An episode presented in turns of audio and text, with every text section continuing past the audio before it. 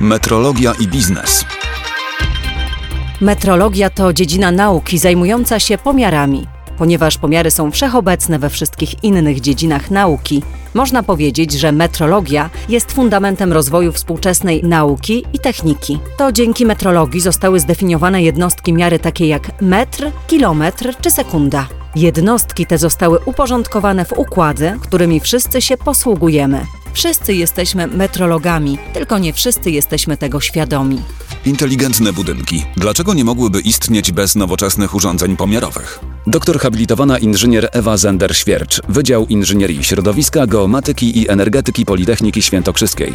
Inteligentne budynki, czyli te budynki, które mają odpowiadać naszym potrzebom. Jeżeli mają odpowiadać naszym potrzebom, no to musimy coś zmierzyć, żeby ten system mógł zareagować i na naszą potrzebę, i na to, co dzieje się w budynku. Mierzymy parametry podstawowe powietrza, czyli temperaturę, wilgotność, zanieczyszczenia, najczęściej to jest poziom stężenia dwutlenku węgla i system inteligentnego budynku ma zareagować na naszą potrzebę. Czyli jeżeli chcemy, żebyśmy oddychali powietrzem świeżym, to wtedy musimy usunąć taki dwutlenek węgla. System musi podać więcej powietrza wentylacyjnego. Temperatura, czyli nasze potrzeby termiczne. Odczuwamy komfort cieplny wtedy, kiedy mamy równowagę termiczną organizmu, czyli tyle ciepła, ile wyprodukujemy w naszym organizmie, tyle ciepła oddajemy do otoczenia. Jeżeli produkujemy ciepła za dużo, otoczenie nie jest w stanie odebrać tego ciepła. To znaczy, że temperaturę powietrza w otoczeniu należy obniżyć.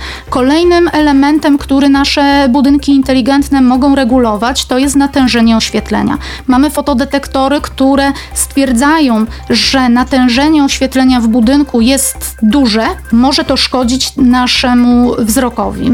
I system ma znowu zareagować i to natężenie zmniejszyć. Jeżeli mamy pochmurny dzień, oświetlenia z zewnątrz jest niewystarczające, system ma nam zwiększyć tą intensywność oświetlenia. Pompy ciepła, czyli urządzenia, które w pierwszej kolejności kojarzy nam się, jak mamy pompy ciepła, to znaczy, że ciepło produkują, prawda? W naturze to ciepło przepływa z temperatury wyższej do temperatury niższej, natomiast my w pompach ciepła chcemy to ciepło zmusić, żeby płynęło odwrotnie, bo chcemy odebrać ciepło na przykład z powietrza, gdzie zimą ma temperaturę minus 20 stopni Celsjusza, a my chcemy od tego powietrza to ciepło odebrać. Żeby je zmusić, musimy zastosować jakieś źródło energii. Najczęściej mamy pompy ciepła sprężarkowe, czyli mamy sprężarkę, która pobiera energię elektryczną. I znowu, jeżeli taki system będzie działał prawidłowo, czyli prawidłowo zmierzy temperatury, to będzie mógł prawidłowo zareagować na te zmiany temperatury, wyregulować tą pompę ciepła w taki sposób, żeby ona ogrzewała nasze budynki tak jak należy. Pompa ciepła może pracować cały rok. Może pracować latem jako odwrócona pompa ciepła, czyli agregat chłodniczy chłodniczy. Możemy gdzieś zobaczyć funkcjonowanie tych wszystkich nowoczesnych rozwiązań? W Kielcach mamy budynek inteligentny, to jest budynek Politechniki Świętokrzyskiej, tak zwany Energis, w którym te wszystkie rozwiązania inteligentne mamy. Mamy systemy, które reagują na intensywność oświetlenia w naszym budynku. Mamy pompy ciepła, ogniwa fotowoltaiczne, które współpracują z tymi pompami i znowu system musi mierzyć i temperaturę takiego ogniwa, żeby bezpiecznie wyłączyć takie ogniwo, kiedy temperatura jest przekroczona i występuje nam ryzyko zapalenia się połaci dachowej. Ale też ten system musi wiedzieć, czy ma na tyle energii wyprodukowanej z ogniwa fotowoltaicznego, czy musi już energię czerpać z sieci.